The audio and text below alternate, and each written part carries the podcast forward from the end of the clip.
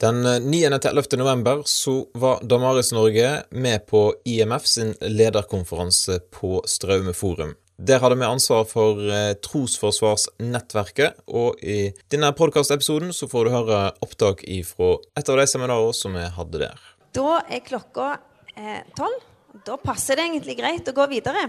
Målet vårt med en sånn en samling som dette her, er jo ikke å dykke dypt ned i hvert spørsmål. Det får vi ikke anledning til. Men jeg håper vi kan peke dere videre til å bli inspirert, eh, til å lese, til å bruke disse videoene, til å høre på podkaster som går spesifikt på ditt spørsmål. Og så skal vi prøve å iallfall være innom noen svar på veien. Eh, nå skal vi ha en liten runde om ungdomskultur. Så tenker du kanskje Finn, Ungdomskultur, er det, ikke, er det ikke det ondes problem og evangelisk troverdighet og Hvorfor kommer noen til helvete? Er ikke det mye mer relevant å snakke om på eh, et trosforsvarsnettverk?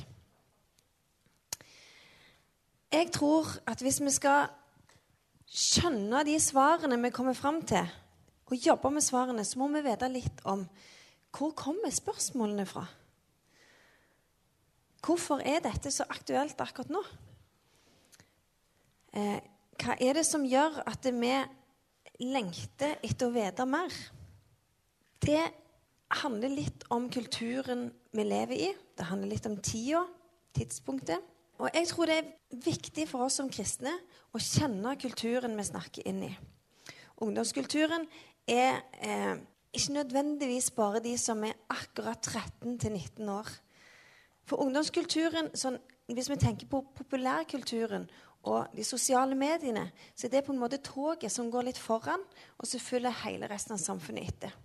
Så hvis vi kjenner litt til ungdomskulturen, så greier vi å se for oss hvordan vi kan håndtere det samfunnet som, eller den eh, omgangskretsen som vi har, eller den jobben vi har, eller de folka som vi treffer.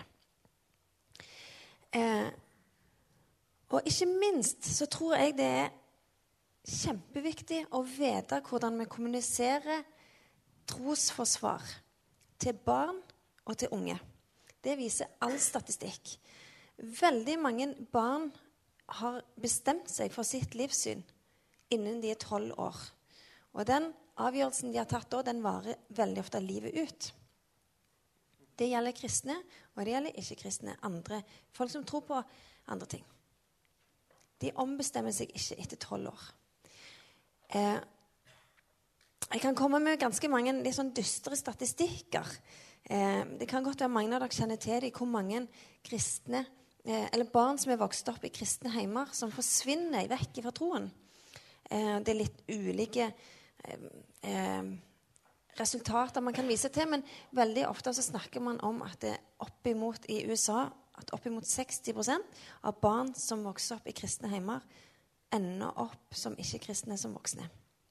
Mange av de forsvinner allerede altså før de er tolv. Og så kommer det en ny bølge når de blir studenter. For da blir det vanskelig å få ting til å henge sammen fordi de får så mange spørsmål og vet ikke hvor de skal gå for å finne svar. Er det rart at vi må se litt på ungdomskulturen? Vi skal ikke se på eh, Jeg har jobba for Barnevakten i mange år. Jeg har hatt mange seminarer om, om sosiale medier og om identitet. Vi skal ikke se på det i dag. Jeg skal ikke trekke fram den filmen er den som er liksom eh, Den må man kunne hvis man skal snakke til ungdommene. Eh, vi skal ikke se på sosiale medier eller nakenbilder eller likes eller streaks eller det som følger ensomhet, kroppspress, stress. Det òg er relevant, og det er viktig å kjenne til. Men vi skal se litt på hva for noen muligheter som fins til å snakke om tro inni denne kulturen. På slutten av 90-tallet var det en eh, eh professor ved MF som heter Erling Birkedal. Han skrev en forskningsrapport om barn og tro. Han intervjua veldig mange eh, barn og ungdommer. Eh, og noe av det han trekker fram, er fremdeles veldig relevant for oss. Han sier det at unge sin tro henter næring fra tre forskjellige dimensjoner. Det første er fellesskap. Det andre er opplevelser. Og det tredje er intellekt. Og Ofte så oppstår det problemer når troen får næring fra bare én eller to av disse. Hvis du har vært med på noe eh, et, en, en, opplevelse som var veldig sterk, der du kjente på veldig gode følelser, så tar det deg bare så langt. Hvis du har vært snakket med en person som er kjempeklok, og som kan svare med skarpskodde argumenter, så tar det deg bare så langt. Du trenger alle tre. Du trenger et godt fellesskap. Du trenger å erfare at Gud fins. Kjenne eh, Ha møtt Gud. Men du trenger òg intellektet. For hvis troa vår bare er basert på de to første, fellesskap og opplevelser, det kan du finne utenfor kirka òg. Det er ikke så veldig vanskelig å finne et godt fellesskap på fotballaget. Opplevelser kreler det av. Hvis troa vår bare handler om de to tinga, og ikke har forankring i Bibelen og en gjennomtenkt overbevisning, så er det lett at vi mister den fullstendig. Hvem er ungdommene? Det er enormt mange beskrivelser av dem. Vi skal se noen av dem. Generasjon Y, det er visst oss som ser på verden som en lekeplass like mye som en arbeidsplass. Curlinggenerasjonen, med foreldre som koster bort problemene foran oss, så vi kan gli gjennom livet. Bortskjemte og kravstore. Konfektgenerasjonen, glasurgenerasjonen, unge når vi kan, voksne når vi må. Så hva mer kalles vi? Millenniumgenerasjonen, LOL-generasjonen, primadonnaer som bare skal le og leve. Sosiale medier-generasjonen som lever for likes og comments, hvor vennskap og forhold oppstår og brytes med et musklikk. Vi skal melde, poste, adde og attende. Selvutlevering med fotofilter og hashtags. Økogenerasjonen, hvor alt skal være kortreist og frittgående. Den ambisiøse meg-generasjonen, som skal briljere, studere, imponere og turnere. Vi skal oppnå noe, bli noe. Få til å bli den personen man ønsker å bli, som ingen andre er. Vi har mange merkelapper og tydeligvis mye å motbevise. For selv om landet var bygget da vi kom, må noen jobbe med påbygget. Ja, Imsdal fikser alt, selvfølgelig. Eh, I dag skal vi snakke litt om et begrep som eh, eh, en institusjon i USA som heter Barna, bruker mye når de snakker om denne gruppa. Og det er Generation Z. Eh, det er typisk de som er født fra 1995 til 2008 omtrent. 2005, 2006, 2008. De kom etter millennials. Eh, og de, eh, er, den videoen her beskriver mye av det de vokser opp i. Eh, hvis vi skal bli kjent med dem, så trenger vi å finne ut av hvor møter vi de henne, sånn som Paulus gjorde. Og hvor finner vi et kontaktpunkt med dem? Eh, han som starta Damaris i England, han har sagt dette at veldig mange av de som jobber med ungdomsarbeid, er kjempegode til å forstå eh, ungdomskulturen. Med å kjenne hva type klær som er inn, eller hva for noen serier de ser på. Eh, hvordan folk oppfører seg. Men det som foregår unna er det ikke så veldig mange som tar seg tid til. Og det å svare på hva er det som blir sagt i populærkulturen, er sant, er rett, er godt, gir oss håp, eh, gir oss en framtid Hva er det vi må bekymre oss for? Jeg tror at et av de viktigste møtepunkter for ungdommene, det er foran skjermen. Og det handler veldig mye om tidsbruk. Det er ingen andre talerstoler de bruker så mye tid foran. Eh, flere plasser i Det nye testamentet så finner du det greske ordet katekeo. Eh, F.eks. i Lukas 1,4.: For at du skal kjenne hvor pålitelige de lærdommene som du har blitt undervist i, står det.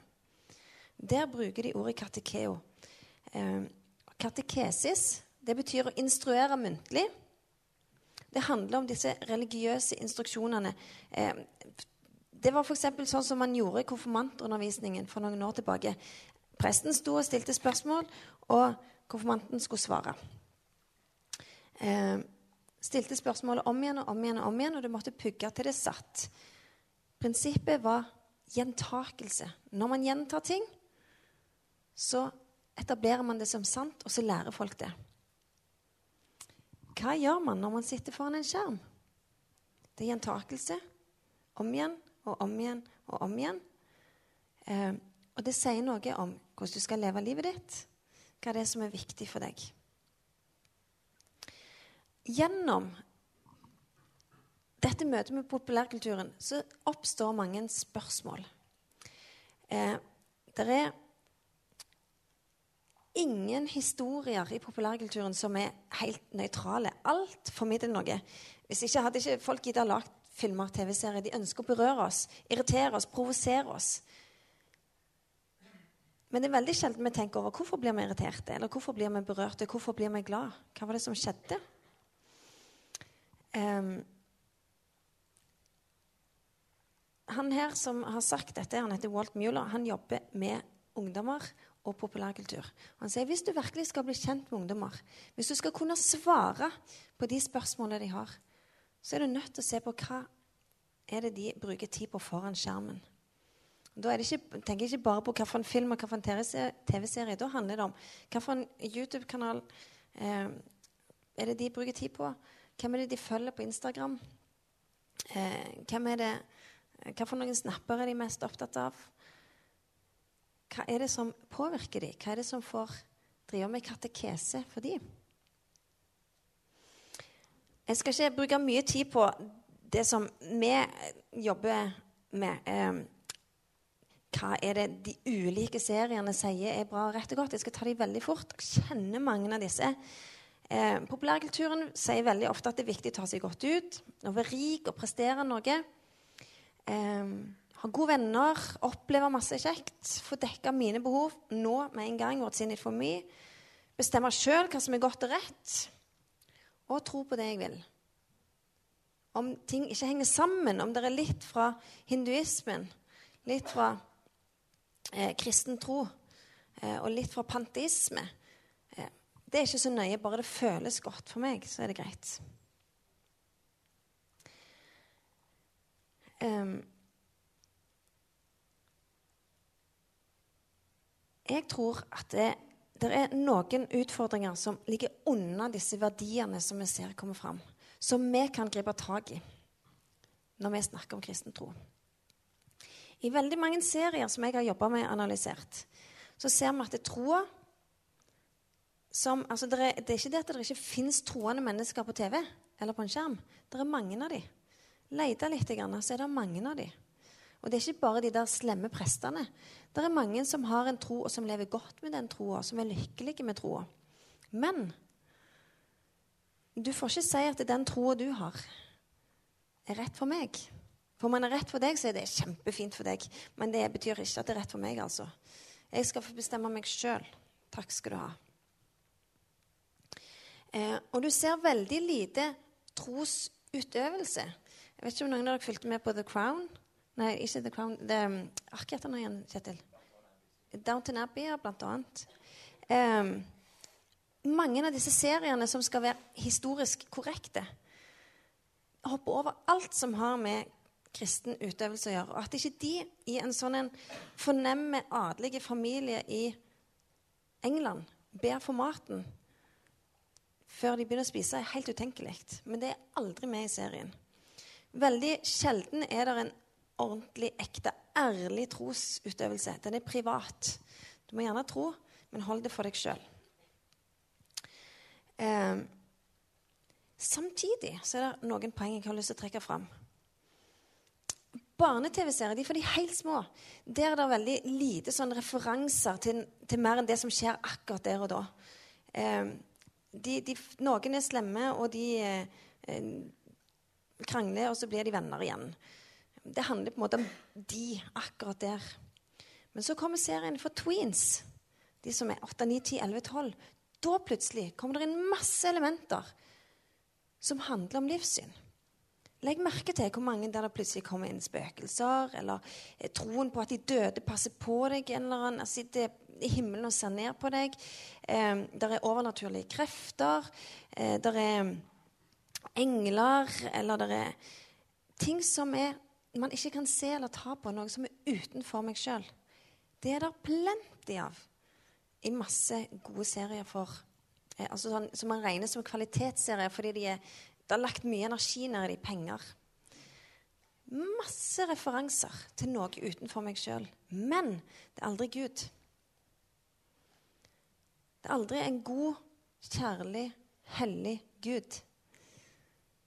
Det er enten en eller annen sånn udefinert kjærlighetskraft eh, eller eh, noe godt som vokter over meg, som skal passe på meg, eller som skal gi meg krefter, sånn at jeg kan få kjempe sjøl. Jeg skal få bli den beste meg jeg kan bli. Eller så er det noe jeg skal kjempe imot. Noe som er, er, er, står i, i motsetning til det jeg vil. Så det er ikke det at det ikke fins, det er bare ikke et bilde av den guden som Bibelen beskriver. En ting til. I disse seriene, Jeg har brukt mye tid på serier for tweens i det siste. og I disse seriene så er det eh, Hvis det er noe utenfor meg sjøl, så tar det litt av ansvaret vekk fra meg. For det er ganske vanskelig i en verden som vår, der mange tenker at vi er bare eh, Det er ikke noe mening. Du må bare sørge for å ha det kjekkest mulig så lenge du lever. Det er ikke noen sånn som bestemmer rett eller galt. Du må bare kjenne sjøl. For det er hele tida opp til deg sjøl å klare deg. Å finne en retning og oppføre deg. Og kjenne etter. Har jeg det bra nå? Har jeg det ikke bra nå? Eh, hva skjer eh, hvis jeg gjorde noe i går som jeg tenkte var rett da, men som ikke oppleves rett i dag? Det er kjempeslitsomt. Men hvis det er sånn at det fins noe, noe, utenfor oss sjøl, som det veldig ofte er i mange Twin-serier, så handler det veldig ofte om å ta litt av ansvaret fra hovedpersonene sine skuldre. Åh, Det var ikke min feil, iallfall. At livet er kjipt. Det er ikke min feil. Jeg kan ikke fikse det sjøl. Det er bare sånn det er. Det er skjebnen eller noe. Og når troa er så relativisert, hvis det er snakk om Jesus, så er det en Jesus som er akkurat sånn som jeg har lyst til at han skal være. Eh, da er han en, en venn, en, en, god venn. Eh, en som støtter deg, en som elsker deg, en som eh, syns at du er perfekt. En, en morallærer. Lite om en Jesus som tar på seg våre synder fordi vi ikke levde opp til Guds standard. Lag Jesus i mitt eget bilde, sånn at han passer for meg. Det er Opera sin eh, levesetning. Akkurat som det fins bare én vei til Gud. Seriøst. Det er mange veier til det du kaller Gud. Så se et lite klipp fra eh, serien The Good Wife, der hun tenåringsjenta hun velger eh, Hun blir kjent med en kristen gutt og blir veldig interessert i kristen tro. Men mora hun er supertydelig på at det, hun er ateist.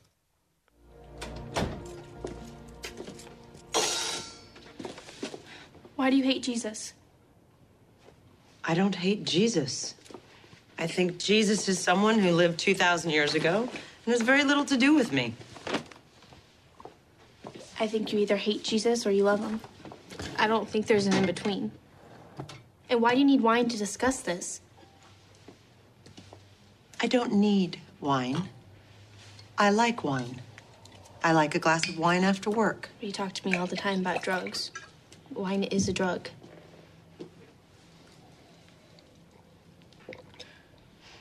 Very adult. Yep. Over 21, that's me. You treat me like a kid. You are a kid. I'm not thinking like a kid. So you're a mustard seed? I think Jesus is someone I want to know more about. I think science isn't taking prayer seriously enough. I think global warming is real, and I don't think believing in Jesus means believing global warming doesn't exist.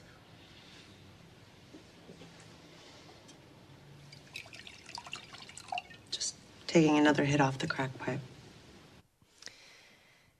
Eh, det som vi ser eh, både ut fra serier og ut fra forskning på ungdomskultur, det er at de liker å snakke om tro.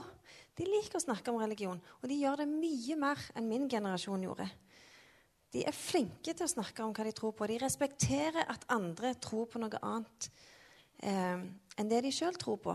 De greier å ha en dialog. Vi så det mye i, i Skam, annet, serien. Eh, og det er det noe vi kan gripe fatt i.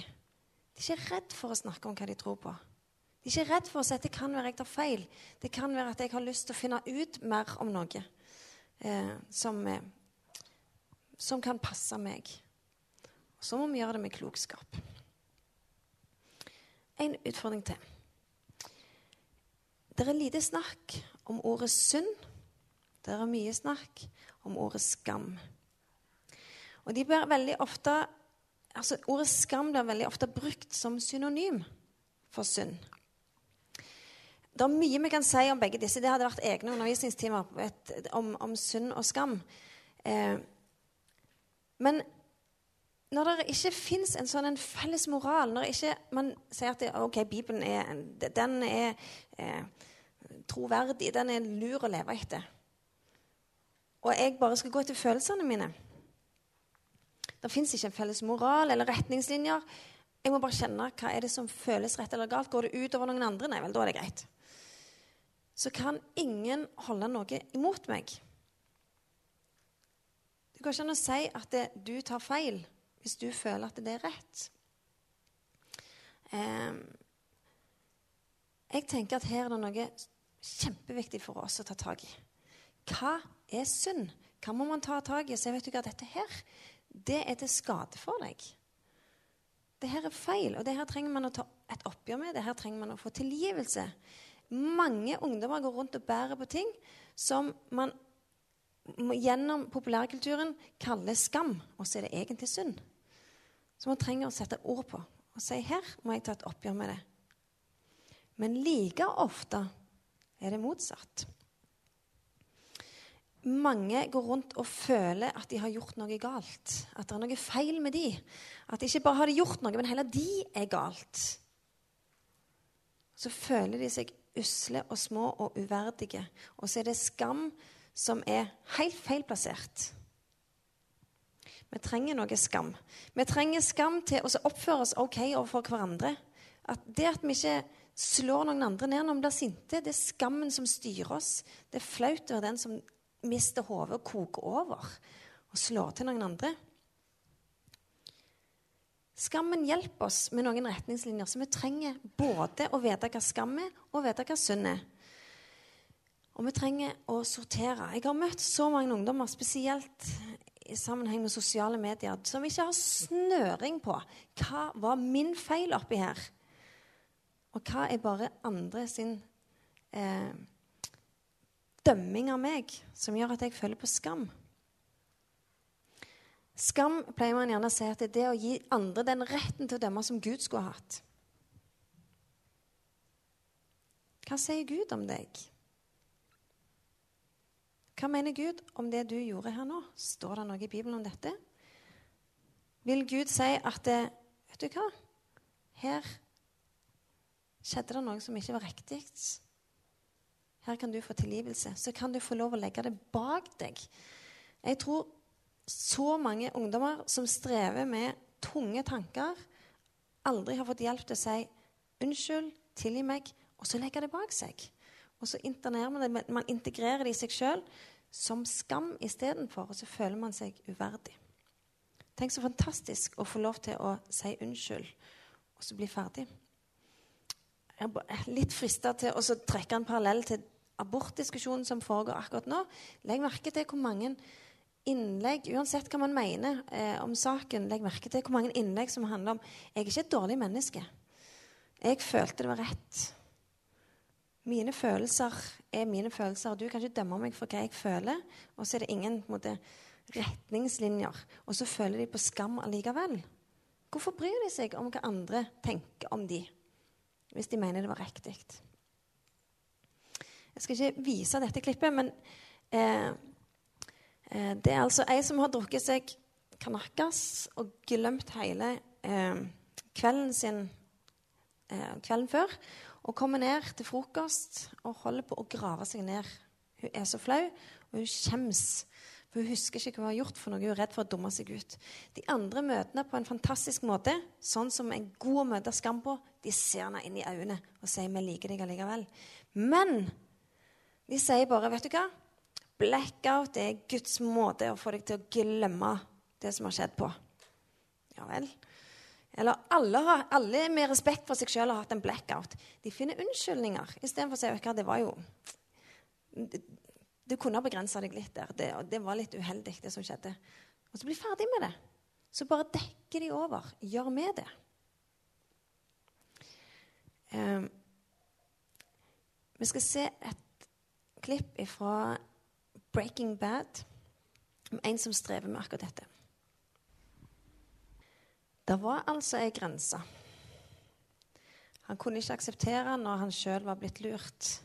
Men når det var følelsene som styrte, når man bare skulle akseptere alt, og han ikke fikk ta et oppgjør med det han hadde gjort galt Jeg skal ikke spoile alt, men jeg skal si at det var ikke en hund det handla om i utgangspunktet. Eh, han trengte noe mer. Gir det oss frimodighet til å kunne snakke om det er godt for oss at det er noe rett og galt. Det er godt for oss at vi må be om tilgivelse. Det er godt for oss at det er noen som er hellige og ikke lar seg tråkke på. Det er godt for oss at det er konsekvenser. Og vi trenger hjelp til å håndtere det. Den, siste, den tredje skal vi snakke mer om seinere. Eh, men det er gjennomgående i mange serier, musikk, filmer. Eh, vitenskapen er, har eh, fått stor plass og blir stilt opp som en motsetning til tro. Eh, den det gjerne er vist best i, har vi allerede sett litt av.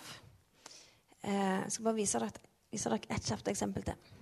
Oh, good, Leonard, you're here. Science news. This will interest you. And uh, Penny, feel free to paint your nails. What do you got? I believe Alex may have unearthed the grade school science project that could be my ticket to the Nobel Prize. Behold. Magnets. What do they stick to? if the answer is metal, it's not exactly groundbreaking. The original title was a rederivation of Maxwell's equations regarding electromagnetism. I dumbed it down because some of the more religious people in town were starting to say I was a witch.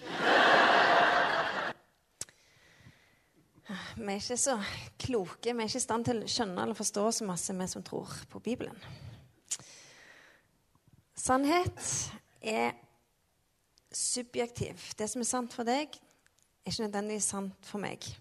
Mer enn en tredjedel av Generation Z tror at det ikke er mulig å vite sikkert om Gud fins. Eh, og de som sier at det kan være at Gud fins, de sier at det, eh, det er det er mindre sannsynlighet for at tenåringer som faktisk tror at vi kan vite at Gud fins, vil si at de er veldig overbevist. De er litt sånn Ja, jeg tror kanskje at Gud fins. Den tredjedelen som tror at han fins, de er litt sånn Ja, jeg tror kanskje, jeg håper nesten det. For mange så syns sannhet å være relativ på det beste og helt utilgjengelig på det verste. Det er umulig å vite om noe er sant eller ei. Og er det så farlig? Er det så nøye om vi er uenige om hva som er sant? Så lenge alle har det fint og er enige og ikke blir sure på hverandre, så er vel det greit. Samme for meg. Kan folk velge tro eller ikke? Jeg vet ingenting. Bare ikke du gjør kardinalfeilen og sier at din sannhet er mer sann enn min. Jeg tror det er det mest utfordrende med Bibelens lære om, om Jesus Kristus det er at han er eksklusivit det eksklusivitetskravet. Det at han er den eneste frelseren. Mange aksepterer han som prest, rollemodell, profet, forbilde. Men ikke en, vei, ikke den eneste veien til frelse. Um, ja. Den siste jeg har lyst til å trekke fram Du kan ta mange sånne bruer over som vi kan bruke til å snakke om tro. Men jeg har lyst til å trekke fram én til. Det er at veldig mange av Generation Z har, har eh, mindre tro på framtida enn generasjonen før. På I mange mange, mange år har det vært sånn at den neste generasjonen har, tenker at framtida er mye lysere enn det foreldrene mine hadde. Livet mitt kommer til å bli bedre enn det mine foreldre sitt var. Det er ikke sånn lenger. Og det kan jeg nesten forstå. Det er ganske mange ting man er redd for, og man vet veldig mye om verden. Får verden inn i fanget idet du våkner om morgenen og slår på den. Man blir frykter for framtida. Bare se på alle de dystopiene. Altså TV-serier som popper opp de siste åra. Som handler om at verden går under, og det er ingenting vi kan gjøre. Det er ingen helter som kan snu det. Det er ingen nøkkel som du bare kan finne, og så vips, der redda du det. Vi må bare stå og se på at det går unna. Og alle lider. At for, og det setter man seg ned og koser seg med.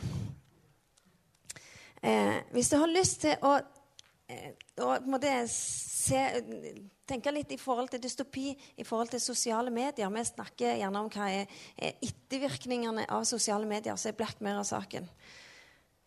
Alt går galt. En god idé i hendene på mennesker ender dårlig. Og det blir på en måte en sånn respons på at mange tenkte i mange år at det, vet du hva, fornuft Mennesket er så fornuftig at vi trenger ikke religion lenger. Mennesket er så fornuftig at vitenskapen er alt det vi trenger. Og så ser ungdommene at ja, men herligheten Fornuften gjør oss ikke snille. Fornuften gjør oss ikke kloke. Vi tar dumme valg allikevel. Da er det lettere å bare drukne seg i at det går gale. Vi kan like så godt bare finne oss i det. Jeg skal summere opp litt til slutt. Eh, jeg har jobba med, med serier for tweens. Men jeg tror at vi kan trekke en del av det over til ungdomsgruppa. Eh, hva fant jeg når jeg så på tre serier for tweens? For det første så beskriver barna at denne Generation Z er orientert mot karriere og suksess. Det er veldig viktig for ungdommer i dag å, eh, å være bli noe.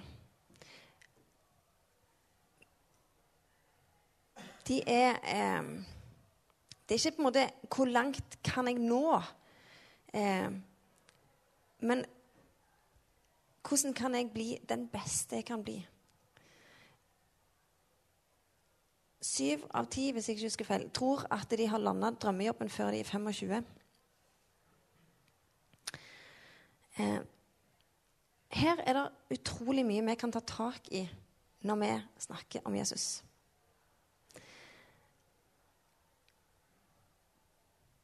Disse her Karakterene i disse seriene de blir veldig flinke i det de gjør. Eh, og de gjør det gjerne med hjelp av en overnaturlig kraft eller indre krefter. noe sånn De oppdager at det er noe spesielt inni seg. Vi har Den hellige ånd. Vi har et oppdrag. Vi har anledning til å hjelpe ungene våre til å bli flinke. Ikke i eh, å slåss, men i å kjenne Bibelen. I å kjenne gode svar. Hva er suksess for oss? Det er at de skal bli glad i Jesus. Eh, og det vi ser i disse seriene, det er at det, disse ungdommene de er ikke eh, så ansvarsløse som vi gjerne tenker at ungdommer er. Men jeg tror vi behandler dem litt for eh, enkelt. De får for lite utfordringer. I kristne menigheter så er vi nødt til å gi dem utfordringer. Vi er nødt til å ta dem på alvor, praktisk og mentalt intellektuelt. Um, det er en psykiater, en kristen psykiater som heter Pablo Martinez. og Han sier at vi er født med tre grunnleggende behov. Vi trenger håp, vi trenger arbeid, og vi trenger relasjoner. Det å gi ungdommene våre et arbeid, noe å jobbe mot, noe å jobbe for, det er avgjørende for å beholde dem i kristne settinger. I disse seriene så kjemper de òg for en bedre verden. De kunne ha brukt det for sitt eget beste, det de har blitt flinke til, men de bruker det for andre. Det er ikke 'what's in it for me'. Og Det overrasker meg litt. At eh, unger og ungdommer de ønsker å kjempe for en bedre verden. Og så er det vi voksne som gjerne omtaler dem som late og som sjølsentrerte, og som er opptatt av seg og sitt. Det som denne barneundersøkelsen som jeg snakker om viser, det er at foreldrene de vil at kirka skal være trygge. Først og fremst skal kirka være et trygt sted. Eh, safe space. Det er en av de sterkeste verdiene til de trekker fram. Men unger de behøver å utfordres, de behøver å vokse. De behøver å bryne seg. Det er ikke sunt for dem å leve i komfort. Er vi litt for komfortretta i våre sammenhenger? Vi skal ha det så gøy. Vi skal ha det så koselig. Utfordrer vi dem. Eh, de er veldig opptatt av å finne sin indre superhelt. Eh, de er litt sånn usannsynlige helter, disse her karakterene i disse seriene. De er skinny, altså de er tynne, ikke noen sånne muskuløse eh, Helt vanlige tenåringer. Mange av de som ser på, tror jeg kjenner seg igjen og tenker dette kunne vært meg. Jeg er jo en helt vanlig unge ungdom. Det kan være meg. Tenk om jeg har et eller annet superoppdrag.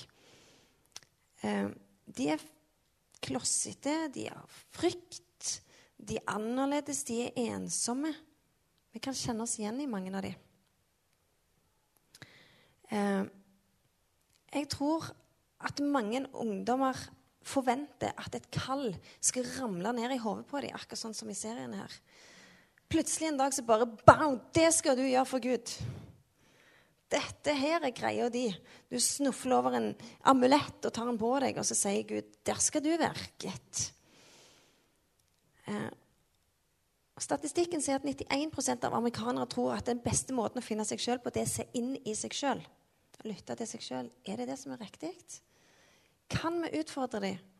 Kan vi hjelpe dem til å tenke hva er ditt kall med det du er flink til? Hva kan du jobbe med for Guds rike? Og ikke minst vi er bare et verktøy. Vår styrke kommer fra vår svakhet. Og ikke minst den siste alle disse her har et enormt behov for tilhørighet. De trenger å høre til en plass. De trenger teamet sitt. Og det er avgjørende, som jeg sa i starten, for ungdommer. De trenger å høre til og være trygge og feile og bomme og be om tilgivelse og være elska allikevel. De trenger å rydde i hva det er som er skam, hva det er som er synd, hva det er god til, hva de trenger å lære mer om, hva de trenger å utfordres på.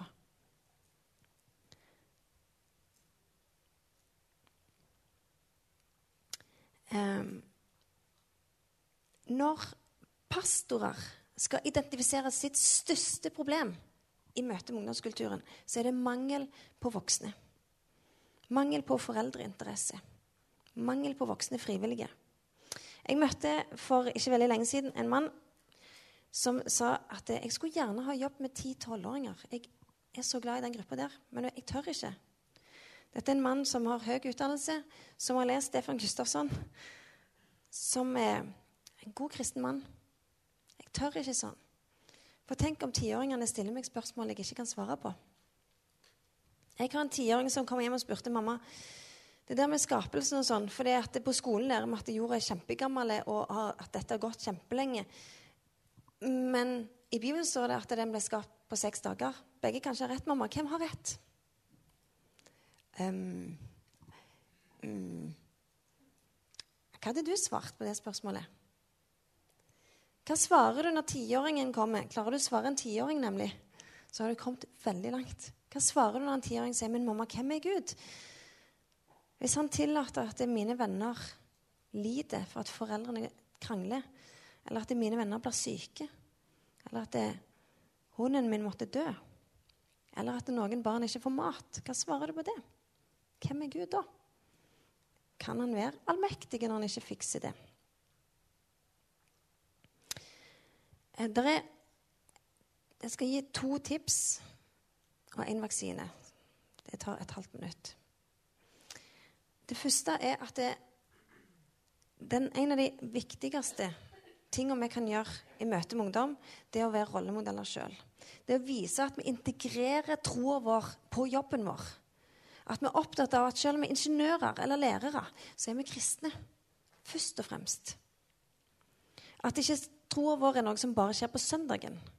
At ikke troa vår er noe som vi bare føler inni oss, men som vi faktisk har tenkt igjennom.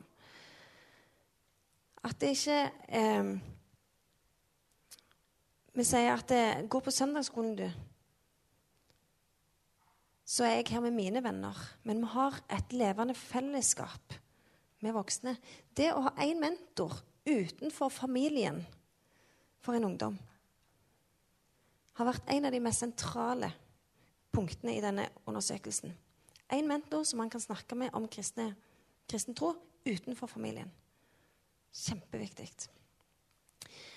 Hvis du har lyst til å lære mer om ungdomskulturen i dag, så følg med på NRK. De er kanonflinke. De bruker mye ressurser på å undersøke hva er det ungdommer er opptatt av, hva er de redd for, hva er de frykter, hva de gruer seg til, hva de gleder seg over, hva de håper på. De spørsmålene som vi kunne ha stilt. Og så lager de serier av det som vi kan bruke. De, har, de tar kulturen på alvor. Det er så mye å ta tak i og bli kjent med her. Her kommer spørsmåla på løpende bånd som vi er nødt til å svare på vaksinen til slutt. Det hjelper ikke hvor mye vi kan svare på spørsmål, eller hvor mye vi stiller opp, hvis ikke vi kan Bibelen. Hvis ikke vi leser Bibelen, og hvis ikke ungene våre leser Bibelen. Når jeg reiser rundt sånn og snakker, så tenker folk at du bare er ute etter å gi folk en unnskyldning til å se på TV. Se på TV, så er, da er du en god kristen. Eh, da har jeg bomma litt. Eh, jeg snakker ingenting i dag om det med å ha hodet sitt med. Det med å sette grenser. Det med å gjenkjenne at du ikke blir påvirka. Det med at følelseslivet ditt blir avstumpa. En del sånne ting. Det å være trofast i en underholdningsverden, det handler ikke om å være kjempegod til å forstå historiene, for da blir jeg supergod for Gud. Da blir jeg et godt verktøy. Det handler om å forstå Guds historie og kunne formidle den. Fortelle hvem er Gud. Og jeg kan ikke det hvis jeg ikke leser Bibelen før jeg ser på TV. Jeg kan ikke fortelle ungdommene hvem Gud er, før jeg sjøl har lest. Um, hvis, du først, hvis du, skal bli kjent med ungdommene, så handler det ikke om å se hva for musikk de hører på, hva for noen klær de liker, å være på Instagram. Først, Det handler om å være sammen med Gud først. Og De ungdommene som er sånne motstandsdyktige kristne, det er de som har gått fast i et kristent fellesskap, og som leser i Bibelen. Her er det mange tanker slengt ut i en fart. Jeg håper dere får med dere noen av det. De, disse broene. Det er mye for oss å ta tak i når vi snakker med ungdommer. Og vi vet kanskje bitte litt mer om hvor kommer disse spørsmålene fra. Nå er det ti minutter igjen. Eh, og vi tenkte er det noen som har noen spørsmål som dere har lyst til å ta opp nå, eller noe dere har lyst til å fortelle? Eh, en opplevelse, en erfaring eh, Et spørsmål som ikke handler om de spørsmålene som handler om som vi skal snakke om seinere. Er det noen som har noen som du tenker dette har jeg lyst til En beskjeden gjeng. Så har dere ingen spørsmål. Det kan jo være at dere vet det aller meste er på en måte klinkende klart. Det er jo fint. Men eh, jeg kan jo stille deg et spørsmål. Jeg hadde jo kommet her på seminar sant, på eh, IMF sin lederkonferanse. Jeg tenkte at nå skulle jeg få en sånn quick fix. Tre enkle steg, og så skal jeg liksom kunne svare ungdommen min, eller da skal jeg kjenne ungdomskulturen. Hvorfor har ikke jeg fått en sånn fix? Sorry. eh, er det nå jeg skal kjenne på synd eller skam? Fordi det viktigste du kan gjøre, det er å bruke tid sammen med den du skal snakke med. Og bruke tid på det den personen er interessert i. Eh, og vi er så utrolig forskjellige. Eh, og så kan jeg stå her og snakke om at det, disse seriene som jeg har jobbet med, de, handler, de er veldig tydelige på det ondes problem. Det onde fins. Eh, jeg bruker disse seriene til å snakke med mine barn. Men hva, hva, hva det, hvorfor kjemper de mot onde? Hva er poenget med, med å være eh, en helt når det koster deg så mye. De mister vennene sine, de blir skada, de blir ensomme. Er det verdt det? Hvorfor tenker de ikke bare på seg sjøl? Men det har liten hensikt for meg å si det til deg hvis ikke du har sett den serien, eh, og så skal du bare bruke mine spørsmål til å snakke med noen om det. Man blir aldri eh, Kommer aldri nærmere hvis man ikke har interesse for det folk er interessert i sjøl. Og sier at det er ikke sikkert jeg vet det nå, men jeg kan finne ut av det. Jeg kan, eh, jeg kan sjekke. Eksempel, snakker du om det problem, så finner du denne videoen på Snakk om tro. Seks korte videoer på fire-fem minutter. Så får du litt input om det problem.